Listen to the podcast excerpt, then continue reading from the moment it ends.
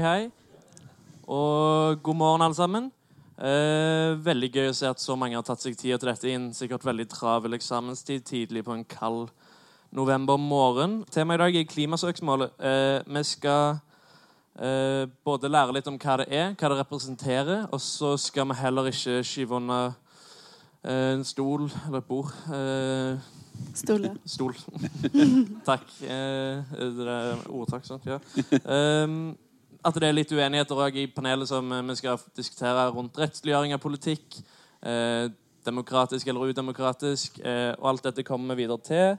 Og kommer også til å snakke litt om konsekvenser og hva dette kan ha å si for norsk rettspraksis. Men eh, først la oss ta panelet. Vi har med oss sentralstyremedlem i Natur og Ungdom, eh, Mia Catherine Haun Chamberlain.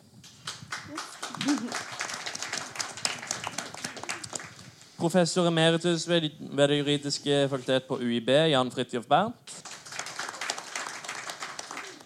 Og stortingsrepresentant for Høyre i justiskomiteen, Peder Christian Frølich. Eh, så aller først må vi jo eh, få vite litt hva dette dreier seg om. Og Jan, eh, kan du eh, gi oss en kjapp innføring i eh, hva er det som eh, blir, hva er grunnlaget for søksmålet? Ja, Utgangspunktet er jo det at vi har en eh, rettsstat i Norge som jo er basert på at rettsregler også binder våre politikere. Og Så har vi da grunnlov, Grunnloven, som da er på sin, sin side binder eh, politikerne både som lovgiver og som forvaltningsorganer. Og vi har en bestemmelse som vi har fått i Grunnlovens paragraf 112 nå, som tar opp spørsmålet om eh, plikt til å verne miljøet. Og eh, den sier da det at eh, man skal eh, sikre eh, eh, ha et miljø som sikrer helsen, og en natur der produksjonsevne og mangfold bevares. Det er liksom de sentrale tingene. Og at naturens ressurser skal disponeres ut fra et langsiktig og allsidig betraktning som ivaretar denne retten også for etterslekten. I tillegg så er det en del andre formuleringer som vi kan komme tilbake til. Men dette er utgangspunktet. Det er en bestemmelse i Grunnloven som da er, gir uttrykk for at man forplikter alle statens myndigheter, herunder også lovgiver, på eh, dette å ivareta miljøet for nåtiden og fremtiden. Det som er det store temaet her, er jo da i hvilken utstrekning dette er en regel som kan håndheves av våre domstoler på en slik måte at de faktisk kan underkjenne vedtak i vårt storting, enten det er i form av en konsesjonstildeling eller et lovvedtak. Med andre ord, I hvilken utstrekning setter denne bestemmelsen grenser for den demokratisk valgte stortingsmyndighet? Og eh, Vi sitter i dag i, i, i, i situasjonen hvor vi er med på å iaktta at historie skapes. For dette er en eh, situasjon hvor denne problemstillingen, hvor langt går, hvor langt går retten og jussens myndighet over, over lovgiver, kommer helt på spissen. Fordi det er en sak hvor vi har en klar og kraftig politisk debatt om hva vi bør gjøre, og uh, hvor da vi har et flertallsvedtak, flertalls i Stortinget som går inn for en bestemt uh, policy, som bl.a. har gitt seg uttrykk i disse tre konsesjonstildelingene som det her er snakk om. Det er tre konsesjoner som er tildelt, og som da uh, uh, Stortinget har sagt at dette er ok. Men hvor da naturvernorganisasjonene sier at dette må være stride mot Grunnloven. Og vi går til domstolen og sier nå må dere domstoler fortelle Stortinget at dette kan dere ikke gjøre, for det strider mot Grunnloven. Mot det så sier da Stortingets talsmenn og også regjeringsadvokaten at det kan ikke være meningen at det er domstolenes sak å foreta en avgjørelse med nøyaktig hvor langt norsk miljøpolitikk skal gå, hvor langt vern av naturen skal gå, i konkurranse med andre interesser, økonomiske, nasjonale arbeidsplasser osv. Og eh, det, det, dette er ikke en helt ny problemstilling. Vi har hatt det helt siden nesten, nesten siden Grunnloven ble vedtatt i 1814, hvor jussen i mange tilfeller har møtt i kollisjon med politikerne.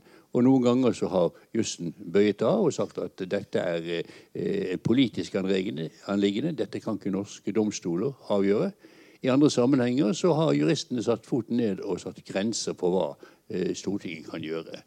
Og eh, Temaet i denne, sak, i denne saken som er oppe nå, det er hvorvidt denne grunnlovsbestemmelsen skal leses på en slik måte at den er et, et skarpt redskap som domstolene skal bruke til å ta stilling til uh, hvorvidt man har oppfylt denne generelle målsettingen på en forsvarlig måte, eller om domstolene her skal uh, holde seg tilbake og si at dette er til syvende og sist et politisk anliggende som ikke uh, domstoler og jurister har kompetanse eller mandat til å avgjøre.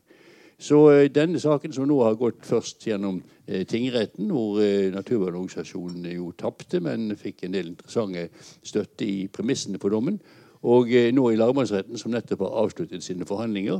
Eh, og eh, sannsynligvis i neste fase vil havne i Høyesterett. Fordi at dette ikke bare er spørsmål om den konkrete saken, denne konsesjonstildelingen, som jo er kontroversiell nok i seg selv, men det er like mye også et spørsmål om hva er det domstolene skal gjøre her. Hvor langt skal domstolene gå i sin så å si påpasserrolle i forhold til Stortinget, i forhold til regjeringen, når det gjelder å uh, se hvordan de ivaretar eller ikke ivaretar uh, de forpliktelsene som ligger i Grunnlovens paragraf 112. Så vi skal la nå inn i en fase hvor vi først skal få høre litt mer om eh, saken. Og så skal vi gå tilbake til de store prinsipielle linjene, som tross alt er det mest spennende. Det er ikke bare denne saken her. Verden verken står eller faller med utfallet av denne saken her. Men det er, det er eh, knapt nok begynnelsen. Det er begynnelsen på begynnelsen på en lang rekke saker og diskusjoner vi kommer til å ha om disse spørsmålene i årene som kommer. Eh, takk for det. Eh, du nevnte òg at eh, det har jo vært oppe i tingretten. Eh, og der fikk eh, miljøbevegelsen, miljøorganisasjonene noen ting på sin side, men ble dekka som et tap, stort sett.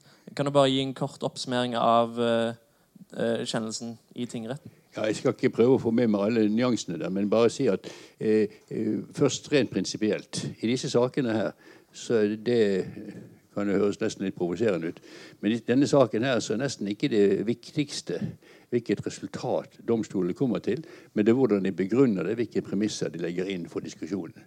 Og Det gjelder også allerede tingrettsavgjørelsen, for der var det jo et, et eh, tema i saken hvorvidt man overhodet kunne komme inn og ha en, en, en sak om dette, hvorvidt Grunnloven skapte noen rettigheter.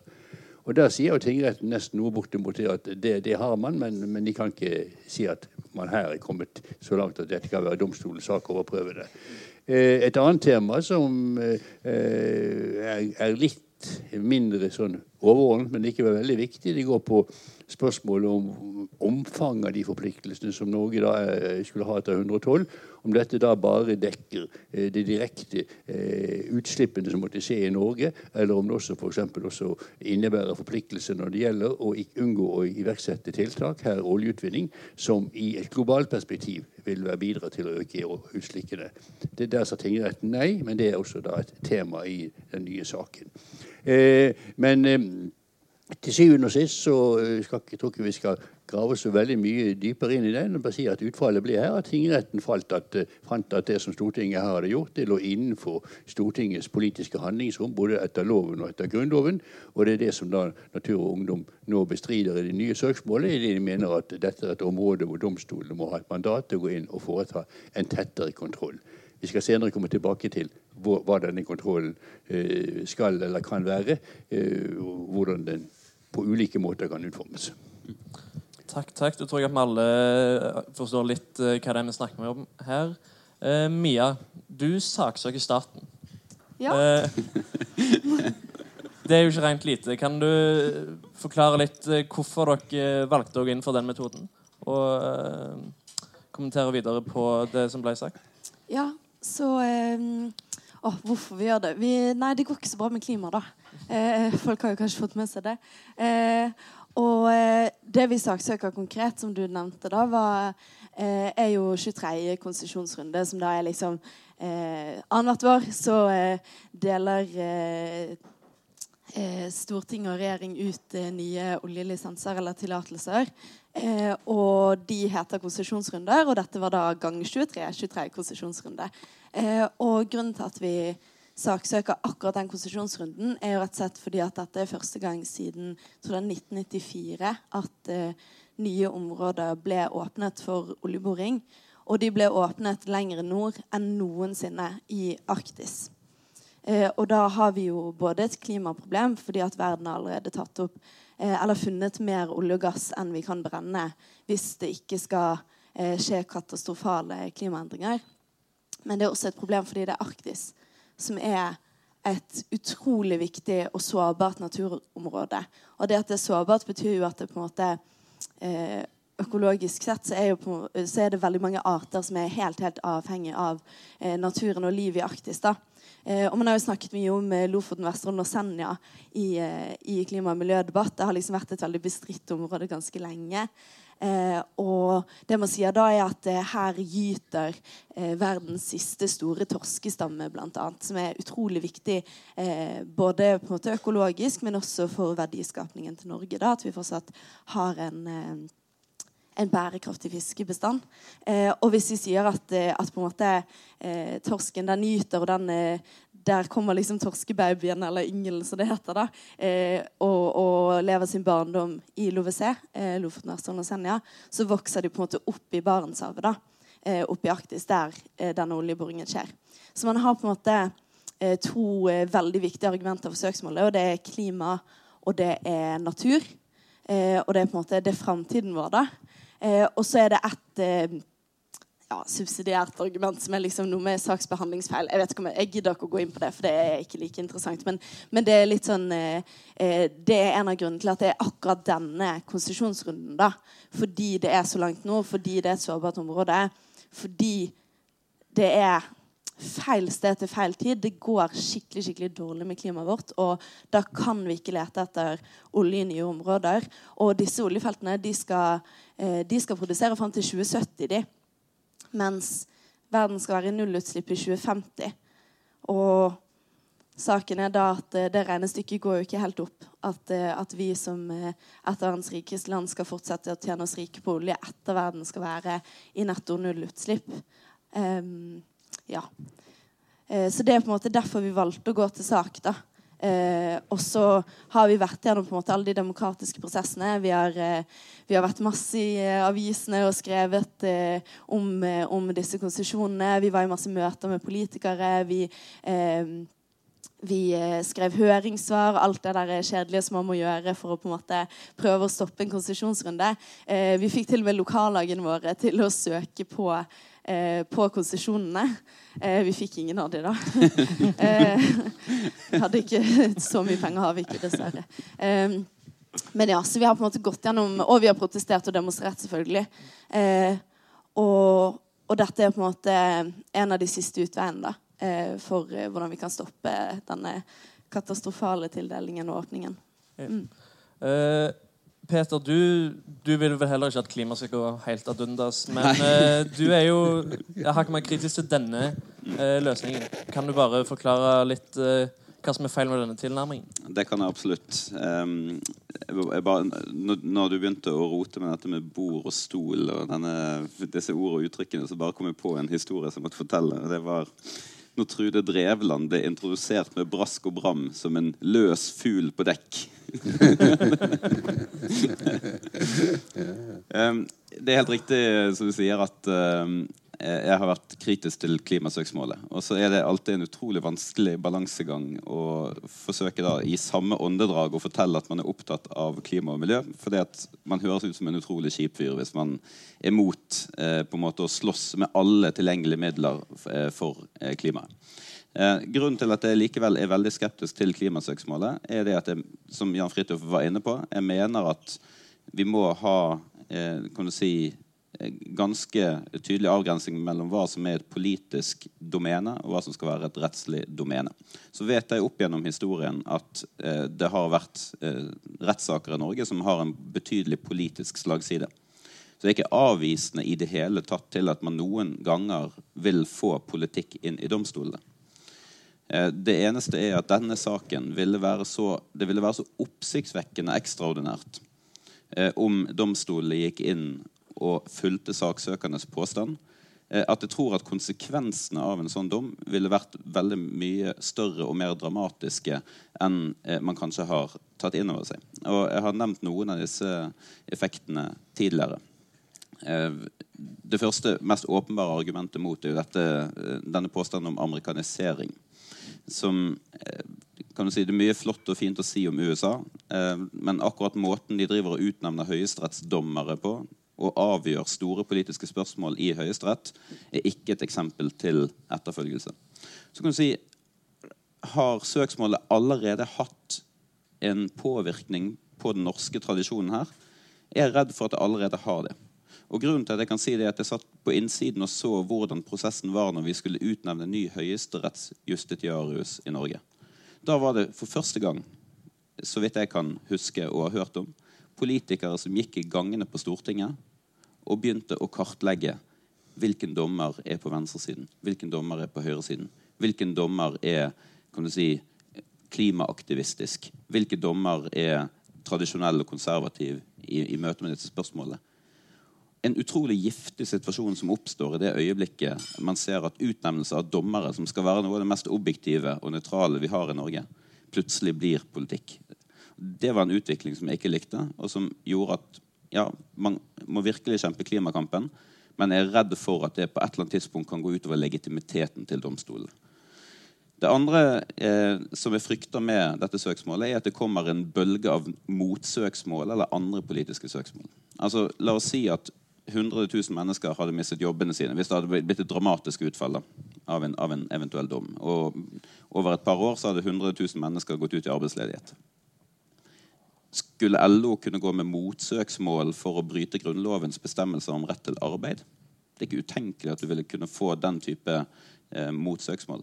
Og Dermed så hadde ballen vært i gang, og vi hadde drevet egentlig en parallell fektekamp. Ikke bare i stortingssalen, men også i, i rettssystemet.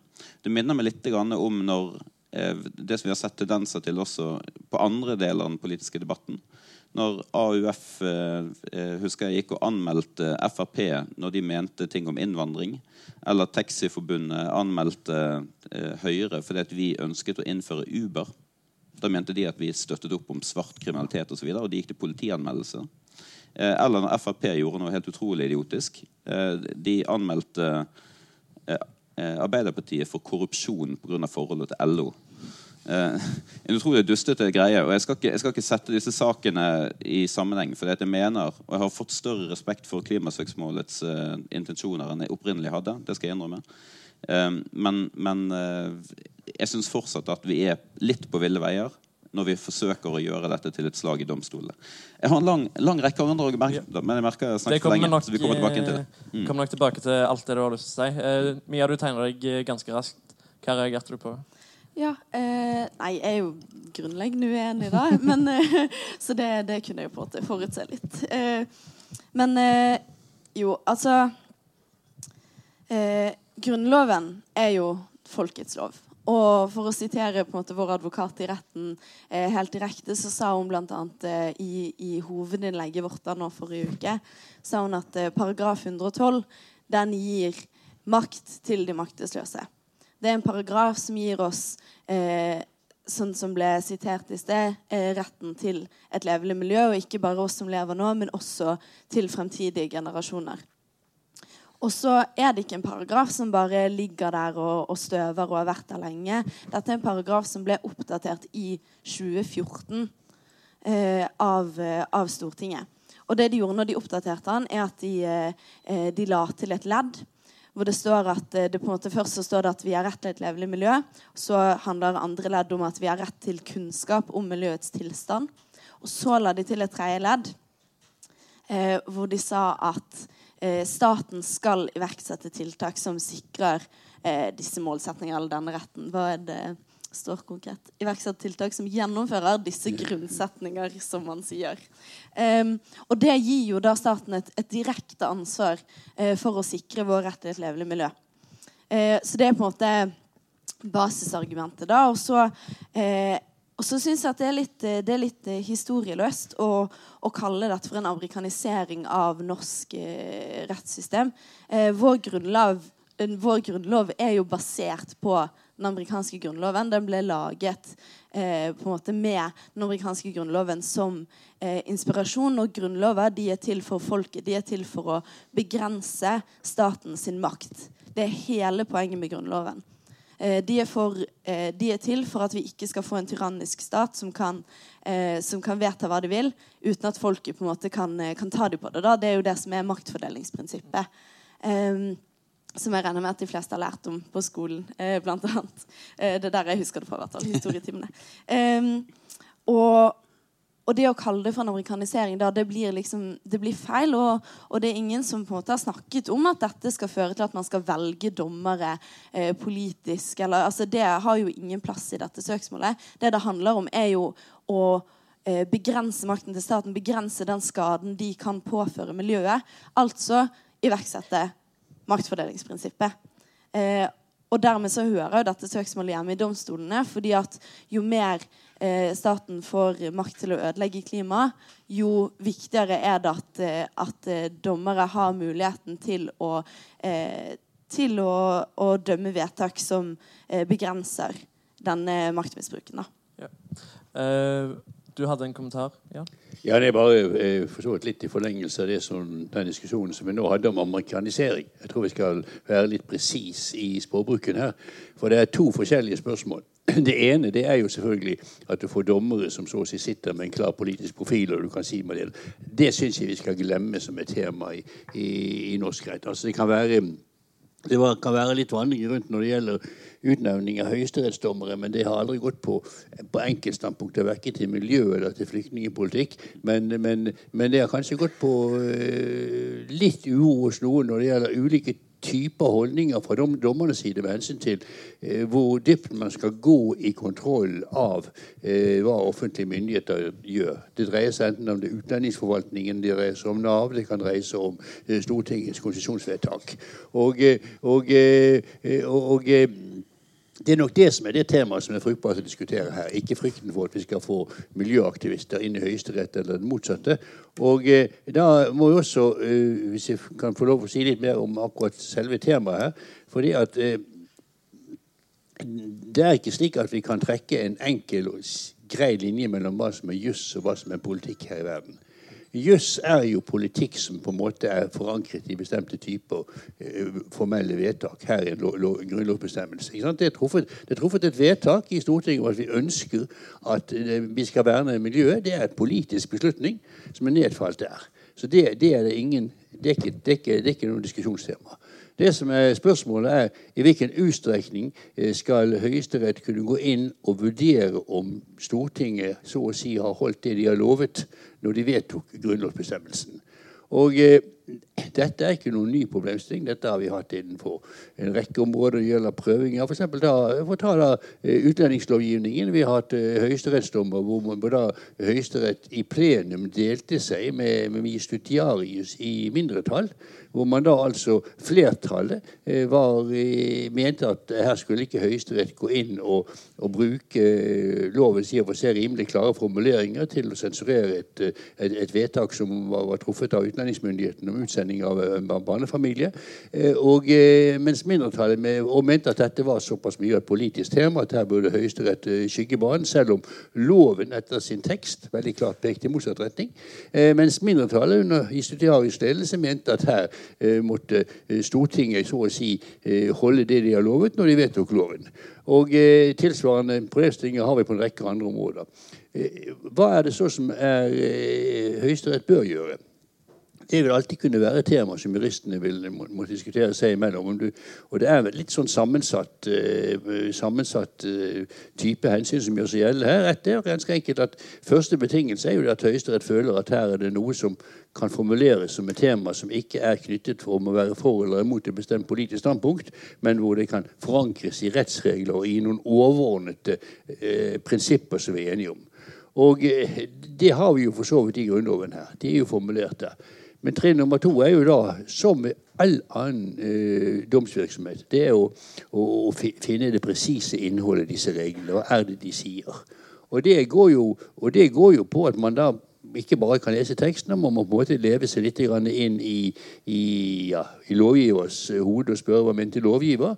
Men ikke bare det. Men det er også slik at rettsregler blir tolket og ofte blir preget av den samtiden det er i. Altså Vi har masse praksis på at grunnlovsbestemmelser har blitt forandret i innhold. F.eks. vern av eiendomsretten, som var veldig absolutt. Det, var så, det var jo så absolutt at når man på omkring altså forrige århundreskifte ville innføre restriksjoner på skjenking av alkohol, så var det først en rekke høyesterettsdommer som sa at nei, det kunne man ikke gjøre, for det var inngrep i eiendomsretten, i, rettslig posisjon til de som hadde på skjenkerettigheter, og det kunne man ikke frata dem. Så skiftet Høyesterett standpunkt der. Vi har den store konsesjonssaken på, på, på, på, begynnelsen av århundret hvor Høyesterett la til grunn at det ikke var grunnlovsstridig å stille som et vilkår for at folk kunne utnytte Eh, elektriske konsesjoner, vannkraften i Norge. At, eh, at, eh, man fikk hjemfallsrett. Det skulle gå tilbake til staten etter en viss tid. Altså, Poenget mitt er ganske enkelt at jussen forandrer seg. Og vi er nå i en situasjon hvor jussen på en måte er litt i bevegelse. Og for, til slutt for å vise hvordan dette der, der, fungerer. Jeg var i USA og studerte, og det er jo så lenge siden jeg tør nesten ikke si det. Men det var altså tilbake i, i 1970. Og det var akkurat da da miljøbevegelsen og miljøbussen begynte å komme. Og eh, Amerikanerne hadde ikke noe lovgivning å forankre eh, beskyttelse av miljøet på. i det hele tatt. Men etter en stund så, så kom domstolen til slutt også Høyesterett på banen. Og for det første innførte nye regler om at miljøbevegelsen hadde rett til å saksøke staten. av såkalt rettslig interesse, Og for det andre etter hvert begynte å stille ganske strenge krav.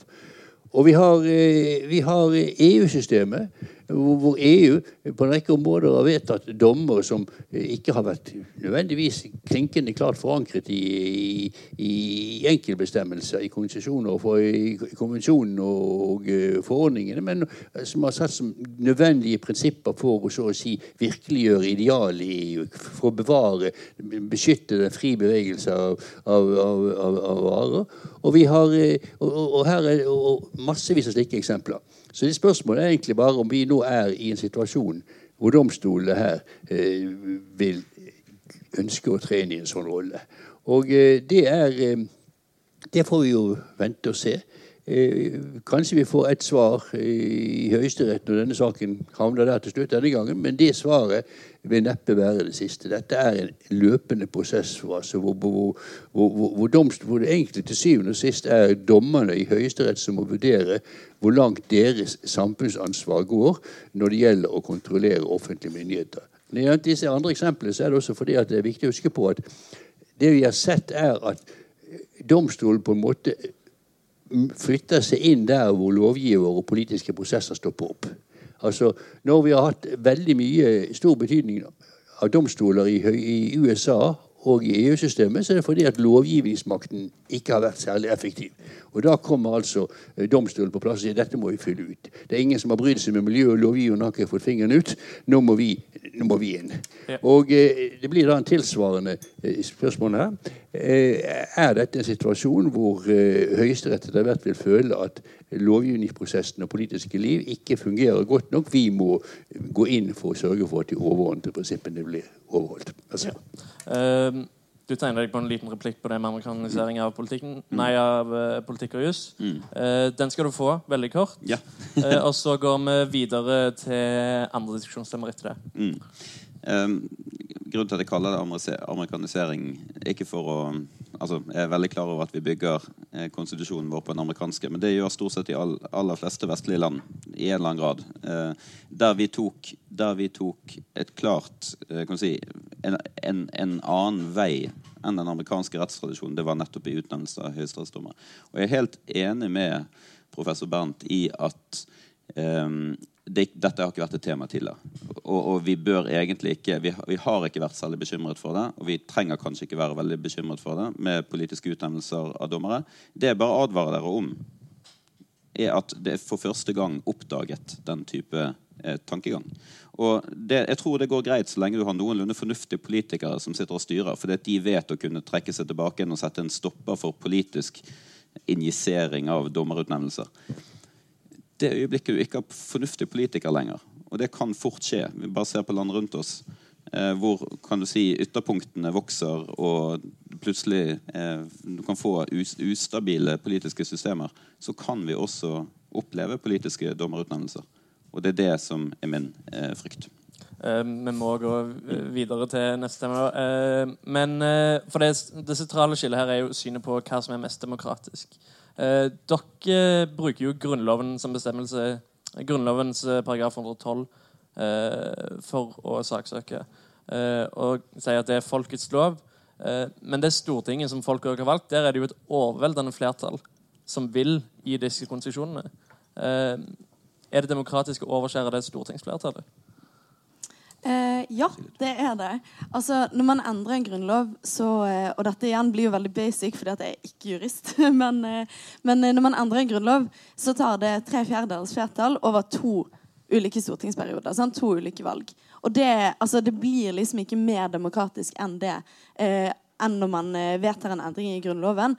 og, og jeg bare er så utrolig lite bekymret for det med å utnevne eh, politiske, eller politisk utnevne høyesterettsdommere. Det, det, har det ikke vært snakk om i denne sammenheng. Det er i hvert fall ikke, eller sånn, miljøorganis For miljøorganisasjonene så er jo dette helt ukjent. altså Det er ikke vi opptatt av i det hele tatt.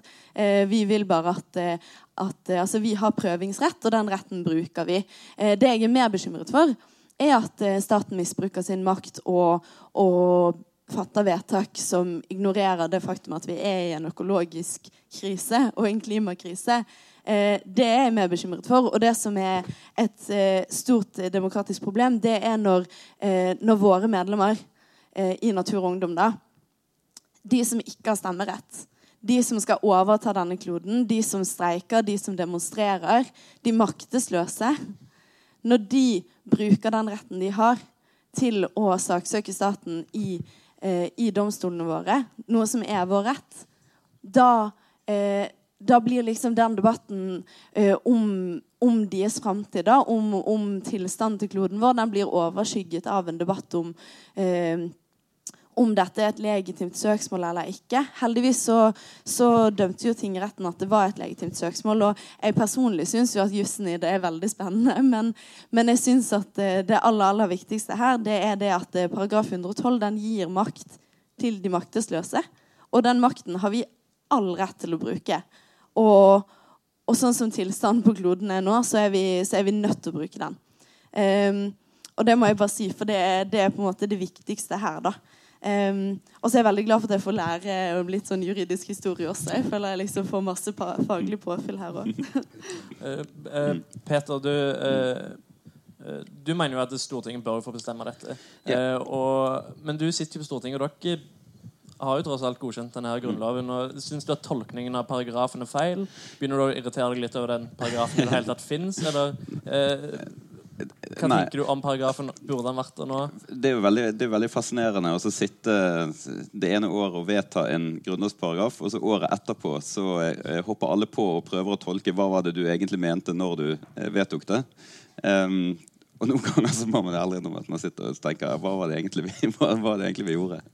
Uh, så retten, retten, til å, retten, til å, gå til sak for å utforske de rettslige sidene av denne bestemmelsen, den er absolutt. Den respekterer jeg veldig veldig uh, sterkt. Jeg bare har ingen tro på uh, kan si, søksmålet og frem, fremgangsmåten, men at dere har en rett til det, helt, helt utvilsomt. Det som er det litt oppsiktsvekkende her, er at Stortinget vedtar dette i 2014. Og så skal man altså komme med samme bestemmelse i hånd og si at vedtaket som er gjort av det samme Stortinget året etter, i 2015 eller 2016, med 168 av 169 representanter, eh, skal på en måte være brudd mot det man vedtok året før. Og det, det, på et eller annet tidspunkt så, så vil også dommerne legge vekt på hva Stortinget selv har ment i disse sakene. Og det har de jo gjort allerede i tingretten. Og sagt at de har vist til den enorme oppslutningen som Stortinget eh, gir rundt eh, eh, norsk olje- og gasspolitikk og norsk klimapolitikk, og har derfor tatt 20 steg tilbake igjen og sagt at dette ligger utenfor vårt domene. Så får vi se om Høyesterett følger opp eller lagmannsretten følger opp. Men jeg tror, hvis det skal komme en spådom, så tror jeg at de kommer til å legge seg på samme linje som tingretten. Ja. Jeg, bare, jeg synes Vi skal stoppe opp litt med dette argumentet med at eh, nå har Stortinget vedtatt dette, så må det være en riktig forståelse av Grunnloven. For Vi må da spørre to ting. Det ene er eh, hva er demokrati? Demokratiet det er verken begynner eller slutter i Stortinget. Demokratiet er et forhold mellom folkevalgte, som er våre tillitsvalgte, og et samfunn. Og det er, det, det er etablert på grunnlag av forpliktelser som disse folkevalgte har påtatt seg, eh, både ved lovvedtak og ved grunnlovsvedtak. Og hvis jeg lover noe eh, til Petter og sier jeg skal eh, ordne opp i, i Vi skal pusse opp huset ditt ikke sant? Og, gjøre en god jobb og sørge for at dette blir fint og flott. Og så kommer han og sier men du har jo gjort en god jobb her. Og så sier jeg men du hører, det var ikke sånn jeg mente det. altså, eh, det med andre ord eh, Stortinget må finne seg i at de selv blir stilt til ansvar for om de har oppfylt de løftene de har gitt det norske folk i grunnlovsform. Og eh, Jeg sier ikke her med at dette er et enkelt svar i forhold til denne saken, her, men saken er at andre enn Stortinget selv må avgjøre eh, hva Stortinget er blitt forpliktet til i grunnlovsbestemmelse. Det er domstolenes prinsipielle rolle. Og det må vi ikke eh, skyve til side. Ja, uh, Mia, du tegner deg. Og så går vi videre etter det. Ja, jeg vil bare si at det gir jo veldig mening at Stortinget er redd for å miste makt. Det, det Altså sånn, Det hadde jeg òg hvis jeg satt i Stortinget. Men heldigvis så har vi dette maktfordelingsprinsippet. Vi har denne domstolen som kan eh, vedta ting som kanskje strider med det Stortinget har lyst til å vedta akkurat nå. Eh, og så er det jo, eh, som sagt mange ganger, eh, Stortinget vedtar jo også Grunnloven. Men så vil jeg også si at eh, eh, som ble nevnt, at, eh, at, demokratiet strekker seg jo lenger enn bare inne på Stortinget. Og, og dette søksmålet har veldig bred støtte eh, hos eh, nordmenn. Eh, har, dette er et folkefinansiert søksmål, bl.a. Vi har hatt en kronerulling hvor man kan gi penger til søksmålet rett og slett for å vise at man støtter det. Og der har vi fått inn nesten to millioner kroner det er utrolig mye mer enn det vi trodde vi skulle få inn. Og veldig mye av dette er bitte små bidrag fra unge mennesker som ikke har stemmerett. Eh, og de bør også få muligheten til å være en del av demokratiet. Når man ikke har stemmerett, da kan man demonstrere, og man kan gå til retten, blant annet. Og de eh, eh, Det er på en måte de maktesløse, da som, eh, som støtter dette søksmålet, bl.a. Og blant unge, de som skal arve denne kloden, eh, de som eh, ikke rekker å få stemmerett før disse konsesjonene trer i kraft, eller før de begynner å bore etter olje i Barentshavet. De, I undersøkelser blant hva de mener om, om, konsesjonsrunder og om ny oljetildeling, så er det et ganske stort flertall mot å lete etter ny olje kort kommentar. Ja. Lovet jeg å pusse opp huset ditt, eller lovet jeg å bygge en, en eh, ti, etasjer, ti etasjers eh, høyblokk. Det er egentlig det det er, den, det er den følelsen vi sitter med. Altså vi har, vi har, definitivt forpliktet Stortinget og fremtidige storting til, visse, til, til, til, å ramme inn klimapolitikken og si at det finnes visse grenser for hva vi kan gjøre og ikke gjøre, og hva vi kan tillate oss av passivitet eller aktivitet. Men Eh, når vi plutselig blir møtt med en påstand om at all fremtidig eh, olje- og gassutvinning skal opphøre, med henvisning til den paragrafen, så er det klart at de fleste i Stortinget rygger tilbake inn og sier at nei, nei, det var ikke dette som var omfanget av løftet. Jeg er helt enig med professor Bernt i at det er domstolenes oppgave å finne ut av hva er det Stortinget har lovet sine innbyggere. Eh, men jeg er uenig med deg hvis det er sånn at Stortingets egen fortolkning av det løftet, eller egen, eh, egne vedtak som kan belyse formålet, er ikke relevant. For det var noe av det jeg lærte på jussen, i alle fall, er at Stortingets egen oppfatning er en av de fremste rettskildene når du skal fortolke Grunnloven. Jeg tror at det som blir konsekvensen hvis man skulle lagt saksøkernes eh, holdning til grunn, er at Stortinget ville rykket ut og endret Grunnloven på dagen. Det, vil si, det kan man ikke gjøre, men det ville kommet et forslag om å endre Grunnloven på dagen. Og det ville blitt fulgt opp ganske raskt i neste omgang. For det at en grunnlov en grunnlovsbestemmelse som blir så til de grader misforstått at eh, Stortinget egentlig har fraskrevet seg all kontroll over norsk olje- og gasspolitikk og for så vidt klimapolitikk, ville ikke blitt godtatt eh, av noe eh, stortingsflertall. Heller ikke superflertall, altså to tredjedels flertall. Det jeg føler jeg meg ganske sikker på. Takk. Eh, du ble nevnt, så ta en kort kommentar. Ja, det var to ting. Det ene er at Nå er vi kommet dit hen at vi har blitt enige om det viktige prinsipielt. Nemlig det at det er riktig. Vi er da enige om at det er Høyesterett som skal prøve om Stortinget har holdt det de har lovet i grunnlovsform. Og så kan vi diskutere eh, innholdet av løftet. Og det andre jeg ville si, at jeg vil bare reservere meg litt mot uh, den fremragende tidligere students utlegning av, uh, av grunnlovsprøvingen her. Dette med at man legger vekt på Stortinget, ja, det er relevant, men det er veldig store nyanser i, i Høyesteretts praksis når det gjelder hva slags type spørsmål det taler om. Og der hvor Stortingets vilje særlig har vært oppfattet som relevant, har vært i økonomiske prioriteringsspørsmål, fordeling av penger, og ikke de prinsipielle rettighetsbestemmelsene. Hvor denne Grunnlovens 112 ligger i dette kartet, det kan vi fortsatt diskutere. Men, men, men, men, det som er rimelig opplagt, er at, at, at hele prinsippet med en grunnlovsbestemmelse er jo det at den fastsetter de lange linjene. Og vi vet alle sammen hvor godt det er å ha, hvor, hvor, hvor prinsipielle vi er med at vi skal være ordentlige og følge et bestemt prinsipp. Men så oppstår det enkeltsituasjoner hvor dette ikke lenger det, det, var ikke sånn de mente det. Så det er der Høyesterett kommer inn. Ja. Uh, Mia, du har sagt at du ikke bekymrer deg for amerikanske tilstander eller politisk utnevnelse av dommere. Uh, men tenker du at det kan være et problem uh, dersom politikk skal bli avgjort i domstolen og ikke på Stortinget i det lange løp? Er du litt bekymra for en presedens som blir satt? Eh, nei. Det, altså, det, er helt vanlig å prøve forvaltningsvedtak eh, i retten. Det skjer stadig vekk. Det er bare ikke så veldig vanlig når det kommer til klima og miljø. Eh, og det er på en måte så, altså, som, som, sagt mange ganger, da eh, Retten skal eh, på en måte holde Stortinget eh, og regjeringen i tøylene, da. De skal eh, på en måte, Det er sånn som man kaller i USA for checks and balances. Sant? De skal sjekke at, eh, at ikke eh, Stortinget går over eh, den, eh, den makten de, de, skal ha. da.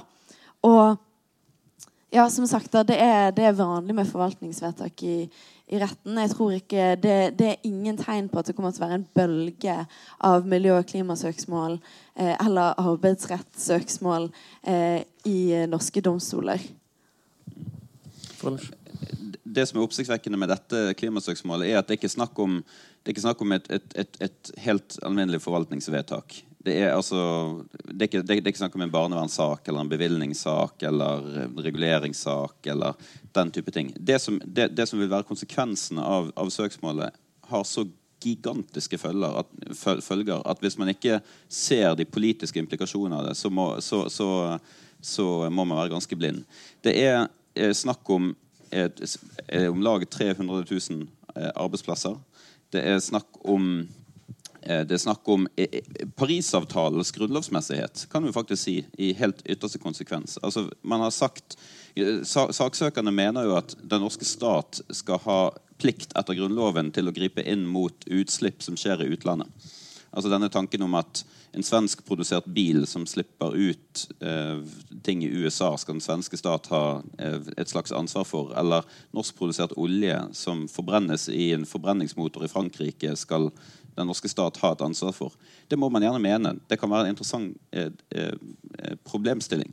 Men det er ikke det premisset som Parisavtalen bygger på, og det er ikke det premisset som det store store, store flertallet i Stortinget ønsker. Hvis en norsk domstol skal gå inn og si at Parisavtalen tar feil, norske Stortinget tar feil, Grunnloven skal tolkes dit hen at man også skal ha et ansvar for eh, eh, si, utslipp i utlandet, så er, det, så, så er, det, så, mye politikk i det spørsmålet at det ville, det ville, det ville eh, vært et jordskjelv om det søksmålet førte frem. Og Det er derfor jeg prøver på en måte å sette dette i en sånn særstilling. For jeg er enig med deg at selvfølgelig forvaltningsvedtak prøves i domstoler hele tiden. Denne saken har mange mange, mange, mange flere dimensjoner ved seg enn kan du si, den alminnelige tradisjonen med prøving av forvaltningsvedtak som vi har i Norge. Da skal du få svare kort, Ermia, og så uh, får du siste ordet før vi tar imot spørsmål fra salen. så dere kan begynne å tenke litt på det. Yes. Ja, jeg vil høre spørsmål, så jeg skal Åh, det var vanskelig å være kort nå. Um, ja, for dette er jo på en måte hele essensen av søksmålet. sant? Vi er jo eh, eh, på en måte Den ene dimensjonen er jo dette her med liksom eh, Gir 112 en rett til et levelig miljø? sant? Kan vi prøve dette i retten? Og det fikk vi rett i. Og så tapte vi på det punktet i tingretten da, som handler om skal Norge ha ansvar for norsk olje som brennes i utlandet. Eh, og der mener jo vi ja.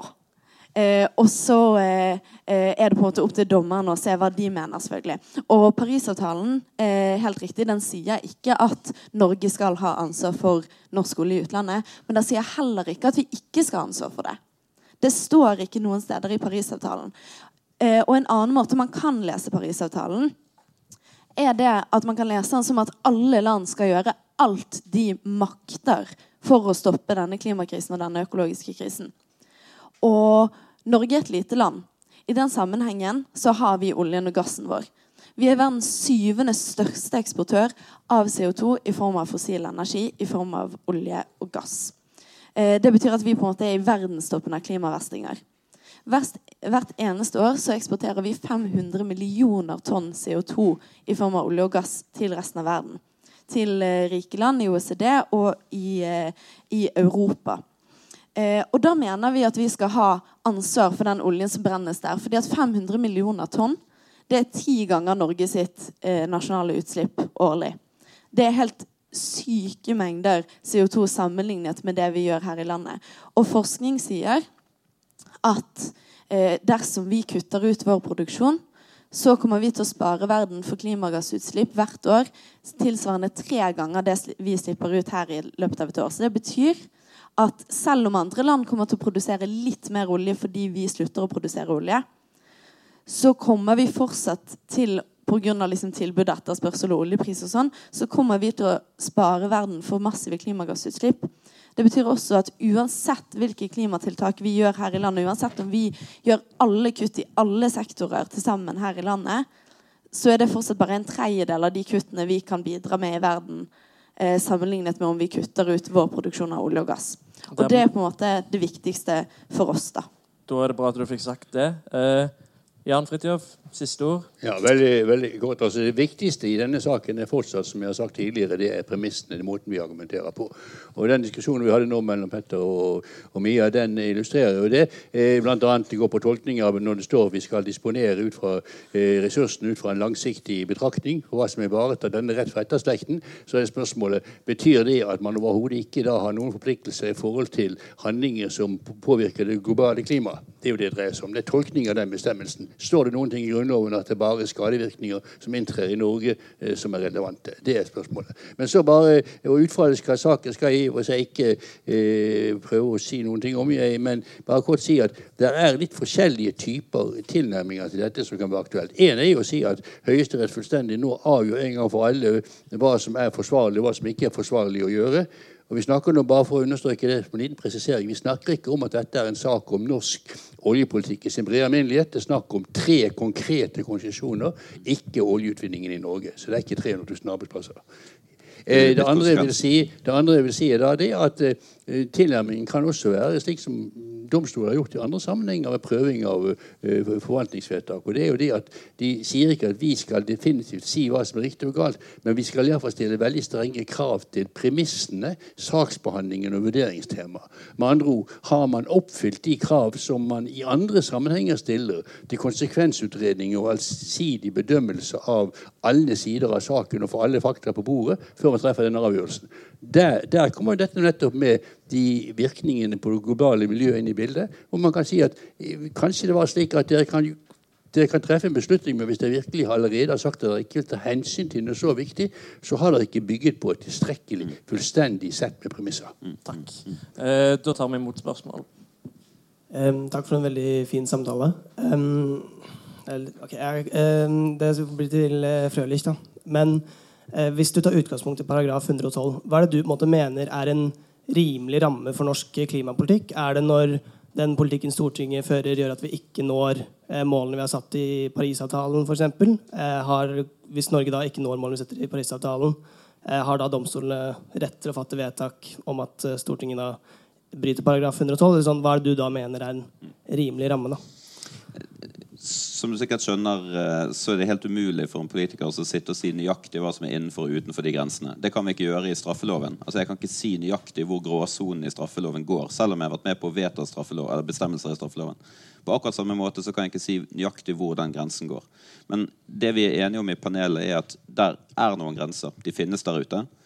Synet vårt er nok forskjellig på liksom, er nok mer kan si, tilbaketrukken i, i eh, synet på når den grensen eh, nås. Jeg mener at det først og fremst eh, pålegger en, altså at denne bestemmelsen først og fremst pålegger de norske myndighetene en forpliktelse til å gjøre virkelig balanserte avveininger av konsekvensene av det de holder på med. Og jeg er enig med professor Bernt at det øyeblikket domstolen skulle avdekke feil i den bedømmelsen, som er så grove at det eh, tenderer til det uansvarlige, så mener jeg at det ville være en grunnlovsstridig, eh, grunnlovsstridig, en grunnlovsstridig opptreden fra, fra myndighetene. Men å gå inn og si at Stortinget, etter å ha veid samvittighetsfullt et vanskelig spørsmål for og mot med 10-20-30 forskjellige politiske faktorer som man må ta hensyn til som folkevalgt politiker, og deretter fatter en avgjørelse. Og da i etterkant skulle komme eh, og bli slått i hodet med at man vedtok eh, at man egentlig ikke mener dette fordi at Stortinget har lagt så ekstreme sterke bånd på seg selv, det er litt mer den, det, det er det jeg mener vi står overfor her i dette konkrete tilfellet. Mia, du ville kommentere? Ja, jeg vil bare si veldig kort at eh, eh, i akkurat dette tilfellet, 23. konsesjonsrunde, så mener jeg at staten ikke har gjort balanserte eh, avveininger. Dette er første gang eh, i en konsesjonsrunde at ingen miljøfaglige råd har blitt lyttet til.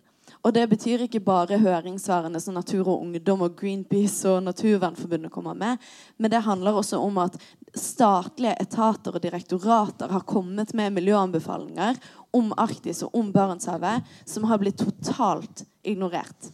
Så balanserte avveininger det kan vi diskutere om, eh, om har vært til stede i denne tildelingen.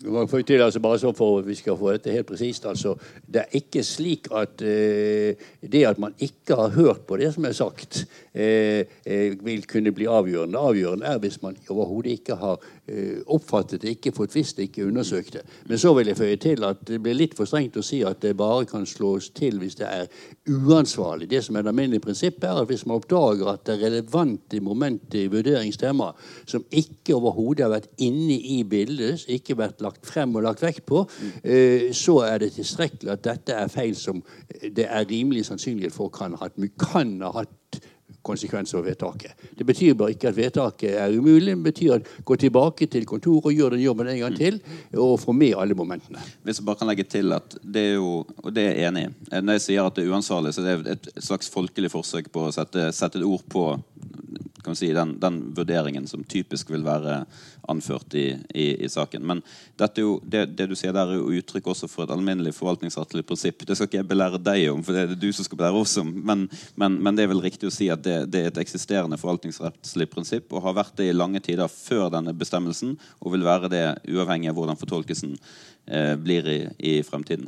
Og så er vi uenige i eh, dette spørsmålet om eh, det er gjort en riktig vurdering eller ikke. Tingretten var tydelig på at det er gjort en forsvarlig vurdering av også klimahensyn og miljøhensyn i, i, i spørsmålet, men, men eh, vi får se. Takk, takk. Eh, da tror jeg vi må sette strek der. Det er flyr nå, og timer i rekke, og eksamener å skrive. takk. Takk.